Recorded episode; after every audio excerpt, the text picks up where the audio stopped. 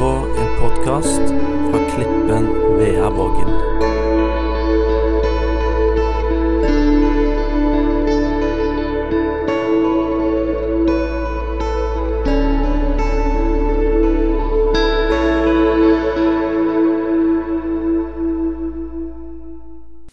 Ok. Eh, Jeg syns det var kjekt å være i andre menigheter. Eh, Og det er fordi at jeg har, en, jeg har valgt å tenke at eh, dere forstår noen ting som bedehus ikke forstår. Vi må på en måte snakke med dere for å se noen ting av Gud. For jeg tror ikke det er noen menigheter som har forstått alt. Du må liksom gå der til de som har forstått det. Og Sånn tenker jeg om meg sjøl, sånn tenker jeg om min egen sammenheng, og så tenker jeg om andre òg. Jeg tenker at Gud han er enormt stor. Du kan få et voldsomt nært forhold til han, et personlig forhold til han. Men han er fortsatt enormt stor. Han er så stor at du kan liksom ikke catche han helt. Derfor tenker iallfall jeg sånn, Å og ønsker å ha det sånn, å være en sånn person som har lyst til å være nysgjerrige i møte med andre. Folk som tenker annerledes enn meg. Andre kristne. Så gjerne gjør ting som jeg syns er litt merkelig. Så gjerne mener ting jeg syns òg skurrer litt. Men uansett, da, å vite at vi drikker av den samme ånd. Vi er den samme kroppen. Vi er Jesu kirke på jord. Og da ha på en måte en raus holdning til det. Ja. Eh, det som jeg skal driste meg til i dag Og det er litt eh, å driste seg eh, når du i utgangspunktet er en bedehusmann, og det nærmer seg pinse. Det er å snakke om Den hellige ånd. Men det er fordi at eh, Det er på en måte litt min måte å hedre dere på. Å si takk. Fordi det jeg har lært om Den hellige ånd, det har jeg lært mest her. Og Da skal vi lese fra Johannes 7, vers 37. På den siste dagen i høytiden, den store festdagen, sto Jesus fram og ropte. Den som tørster, skal komme til meg og drikke. Den som tror på meg, fra hans indre skal det, som Skriften sier, renne elver av levende vann. Dette sa han om ånden de som trodde på ham, skulle få. Ånden var ennå ikke kommet, for Jesus var ennå ikke blitt herliggjort. Fra hans indre skal det renne dråper Nei, elver av levende vann. Jeg vet ikke om du har tenkt på hvor heftig det egentlig er at det skal skje noe ifra innsida ut. For alt, Når vi skal lære oss noe nytt, hvis vi skal lære oss et yrke, så må vi ta en utdanning. Vi må lære det utenfra og inn. Hvis du skal lære deg en ferdighet, så må du gå på kurs. Du må høre på masse ting. Noen utenfra forteller deg, lærer deg, forklarer deg. Så går det inn ørene dine, inn i hjernen din eh, og blir prosessert der. Og så går det forhåpentligvis ut i fingrene dine. Men her får vi høre at det er en læring som skal skje innenfra og ut. Og det er ganske utrolig. Paulus han skriver til filipperne i eh, kapittel 2, vers 13.: Det er Gud som er virksom i dere, så dere både vil og gjør det som er etter Guds gode vilje. Profeten Esekiel, mange hundre år før, da har jo ikke pinsedag vært, men han skuer fram mot noe som en gang skal komme. Og han får på en måte Gud kviskre inn i øret hans hva som en dag skal skje. Og Da sier, han at, da sier Gud jeg gir dere et nytt hjerte. Og en ny ånd gir jeg inni dere. Jeg tar steinhjertet ut av kroppen deres og gir dere et kjøthjerte i plassen.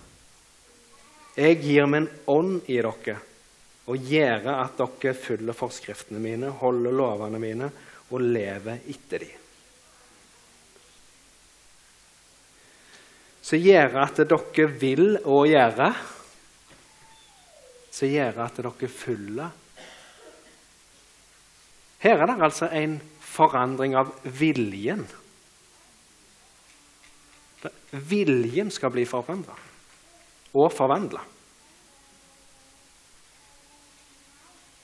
At det er, det er en mulighet for, vi blir invitert til, å få en forvandla vilje. Noe inni her som begynner å lengte etter noe helt nytt. Og så, Jeg tror det er så viktig at vi forstår dette, for det er så mange som går rundt og tror at å være kristen det er å gjøre ei gru i ting du egentlig ikke har lyst til å gjøre. Og det er jo ganske trasig å leve sånn. Og mange tror at det er å liksom ha ei litt sånn klam eh, hånd på ryggen. Liksom om alt du burde gjort, alt du burde gjort. Og så er det litt sånn Ja, jeg må vel det, da. Eller jeg bør vel det, da, kanskje. Siden de sier det. Men her er det jo rett og slett at det, vi kan få lov å oppleve og erfare at det er gjerne nesten litt sånn overraskende. Oi, jeg tar meg i å lengte etter det som Gud lengter etter. Jeg tar meg i å ville det som Han vil. Hvor kom det ifra? Hva har skjedd? Og det er noe helt annet enn på en måte å bare gå ifra nederlag til nederlag, da, i forhold til å, å bare leve i et sånt bør-regime. Og så tror jeg mer og mer på eh, at denne her forandringen og forvandlingen som Den hellige ånd gjør i oss, det er noe som skjer dag for dag, steg for steg. Voldsomt mye hverdag involvert i det. Voldsomt mye karakter, hvordan du er på en måte i nabolaget, i familien. Det er ikke bare liksom, fest og sensasjoner eh, og på sånne på en måte arenaer. For hva skjer liksom når Den hellige ånd får virke i oss og iblant oss?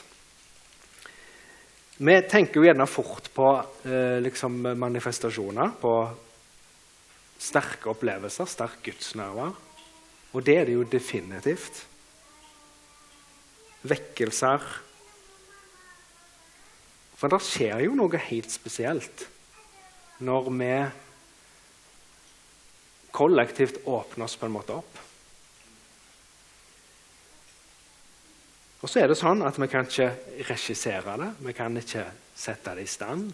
Vi kan på en måte ikke trykke på en knapp, for ånden eh, og vinden blåser der han vil, akkurat som vi ser på Vigeland nå.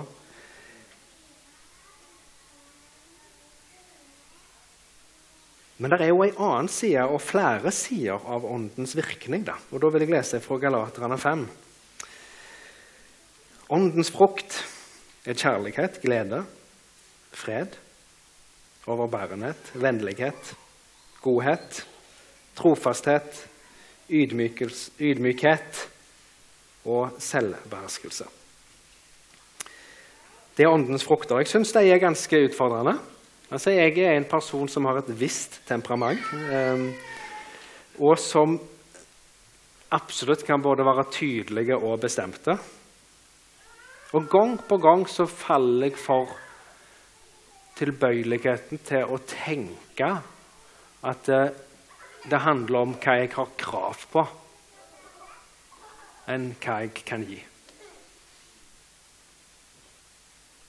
Og jeg vet at jeg, jeg, kan på en måte ikke bare bestemme meg for å bli en sånn person som jeg nettopp leste.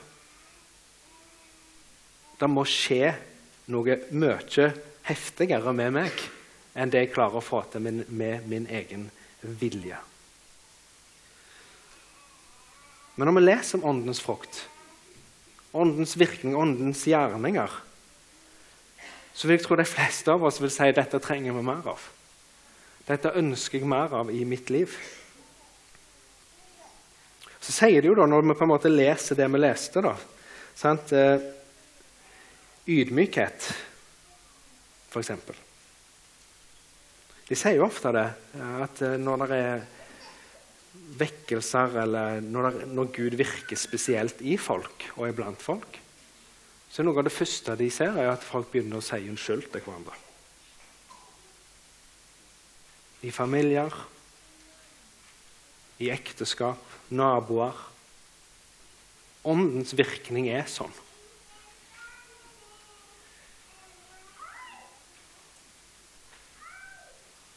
Så han virker i oss, han preger oss, han forandrer oss. Men han må gjøre det. Han må gjøre det. Men hvordan skal det skje? Hvordan, altså det er jo vel og bra. Men hvordan kan det skje? Hvordan kan vi oppleve det? Jeg syns ikke det er beint fram alltid. Jeg synes ikke det er, eh, Og jeg lurer ofte på det. Hvordan kan jeg søke dette? Hvordan kan jeg oppleve mer av dette?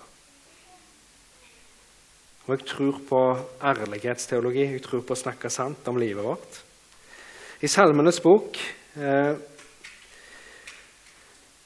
det er jo gjerne en av de mest ærlige bøkene som er skrevet. Det er jo en bønnebok. egentlig. Det er folk som uttrykker ting overfor Gud. Og Der er det mye av dette her med en type sånn lengsel da, blanda med gjerne en skuffelse og frustrasjon på en måte på en gang, som jeg syns er ganske fascinerende. Jeg tenkte vi kunne lese et par av de på en måte bønnene. da. Og så kan jo du for din del kjenne etter om du òg klarer å istemme noen av disse bønnene. Gud, du er min Gud som jeg søker. Min sjel tørster etter deg, min kropp lengter etter deg i et vannløst, tørt og utarma land. Jeg rekker hendene ut mot deg, lengter etter deg, som tørstende jord. Som hjorten lengter etter bekker med vann, lengter min sjel etter deg, min Gud. Min sjel tørster etter Gud, etter den levende Gud. Når skal jeg få komme framfor Guds ansikt? Tårer er mitt brød dag og natt. Hele dagen spør det meg hvor er din Gud? Jeg tror at denne lengselen her den kan være sterk, den kan være svak, den kan være fraværende i perioder. Og Gud slipper oss ikke for det, heldigvis. Han slipper oss aldri. Det er det som er så fint med Gud, det er at eh, om han Om jeg slipper han, om jeg ikke har noe å gi han, så slipper ikke han meg. Uansett. Uansett hva jeg finner på, uansett hvor lite det er å finne inni her, så er han større enn mitt hjerte, og han kjenner alle ting. Han er nok. Han er sterk nok. Han er ikke avhengig av meg. Han trenger ikke min tro, han trenger ikke min hengivenhet. Men han inviterer meg til dette, og være med på dette. Det motsatte av lengsel det er jo egentlig likegyldighet eller sjøltilfredshet. Det er at vi er på en måte fornøyde bare med sånn som det. Vi har ikke et behov for noe annet. Lengselen har jo i seg at en venter på, en ønsker å se noe annet enn det en ser i dag. Det er det som er lengsel. Det er derfor gamle folk som er sjuke, og som er plagede, gjerne lengter etter himmel. Det er derfor eh, vennene våre fra Ukraina lengter etter fred. Det er en lengsel.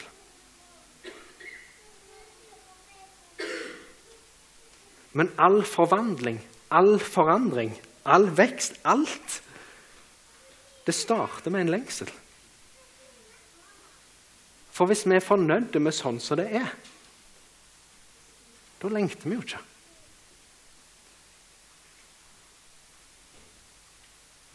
Den gode nyheten det er jo at denne lengselen den er jo skapt av Gud sjøl. Og Den hellige ånd han, han, han, skaper jo en lengsel etter mer av Han. Jesus han sa til den som drikker av det vannet jeg vil gi, skal aldri mer tyste. For det vannet jeg vil gi, blir i han en kilde med vann som veller fram og gir evig liv. Skal aldri mer tyste. Det er jo det som er så fundamentalt forskjellig med Gud versus alle andre gode ting. Jeg er for å snakke opp eh, alle gode ting i livet. Jeg er fryktelig glad i mat, f.eks. Jeg, jeg, jeg, jeg, blir smørblid av, eh, av, et godt måltid, og jeg elsker å lage mat. Og For meg er det liksom tilbedelse. Det er på en måte, Tenk at Gud skapte oss med den smakssansen som vi har. At vi er i stand til å nyte på en måte det. Han kunne jo gjort det på en sånn at vi ikke kjente forskjell. liksom. Eh, så mange gode ting. Det er mye godt i livet. Men det som er da med alt det gode i livet, det er at det går så fryktelig fort over. Det tar slutt så fort. Du må liksom alltid ha noe mer, noe som overgår det forrige. Mens Den hellige ånd og det som Gud gir oss, det er helt annerledes. Du blir tilfredsstilt. Fullt ut, på en måte. Ok, det må skje innenfra. Det er han som må gjøre det. Men hva skal vi gjøre da? Jeg tror det er så banalt og enkelt at det er rett og slett bare å overgi seg til ham. Det er å søke ham. Moses han sa det til israelsfolket at eh, dersom dere søker Herren din Gud der, skal du finne ham når du søker ham av hele ditt hjerte og hele din sjel. Av hele ditt hjerte og hele din sjel. Hva betyr det? Det har jeg ofte lurt på. For jeg har ofte tvilt på og kjent på eh, og stilt spørsmål med hvor helhjerta jeg egentlig er. Og kan det være? Jeg tror ikke at det å hei, søke Gud med hele sitt hjerte og hele sin sjel Jeg tror ikke det å presse fram en hengivenhet som ikke er der. Det er ikke å prøve liksom, at ja, nå prøver jeg å søke deg med hele mitt hjerte her.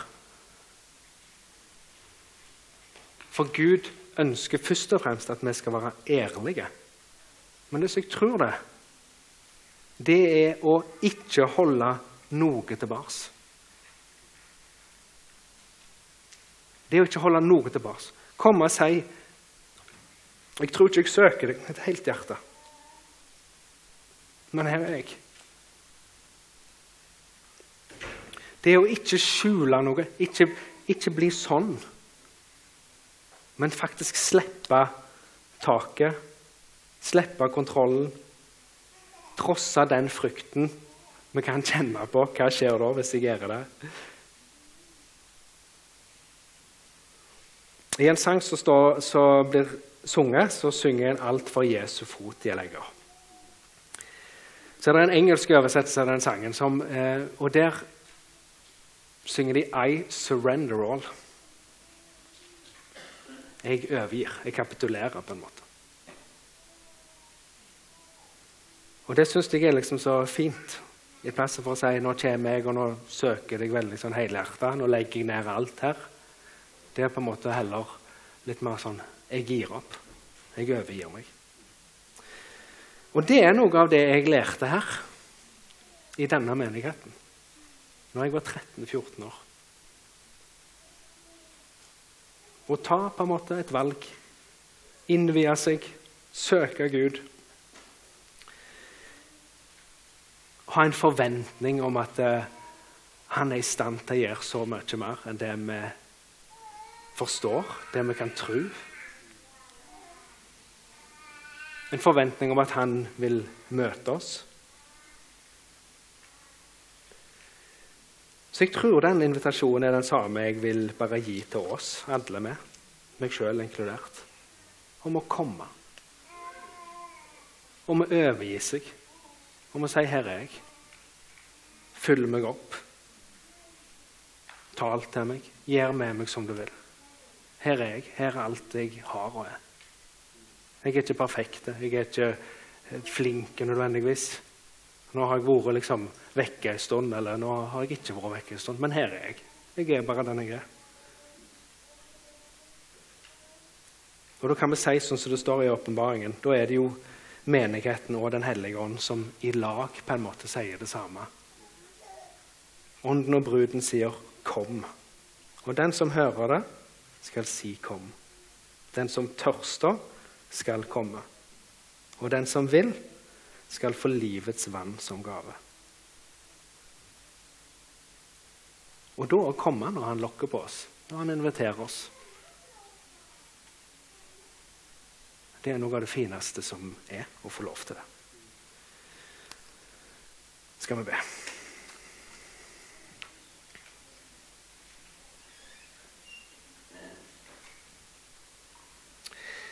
Gode Helligånd, du er her. Du eh, taler til oss. Du åpenbarer Jesus for oss. Du sier oss sannheten. Og Det som er så fint med deg, det er at du gjør det på en måte som gjør at vi ikke kjenner på skam, men vi kjenner på en kjærlig invitasjon til å få lov å komme til deg. Takk for at vi slipper å gjøre oss til. Takk at vi kan være akkurat sånn som vi er. Vi trenger ikke late som om noe er overfor deg. Eh, og Når du gir oss en invitasjon, så har vi lyst til å svare på det. Vi har lyst til å si at det her er vi. Vi har lyst til å respondere på din invitasjon. Til å komme, alle som tyster, alle som bærer tunge byrder, alle som kjenner på tomhet, alle som kjenner på tvil, eller at ting er vanskelig, eller at det er kjipt å være kristen, eller tungt å være kristen, at en mimrer tilbake på ei tid når det var liksom annerledes. Nå sier du 'kom', og så kommer vi. Og så må du gjøre ditt verk, sånn som du kan. Vi tilber deg, vi ærer deg for at du er i stand til å gjøre det. At vi trenger ikke lage masse ting. Men du gjør det.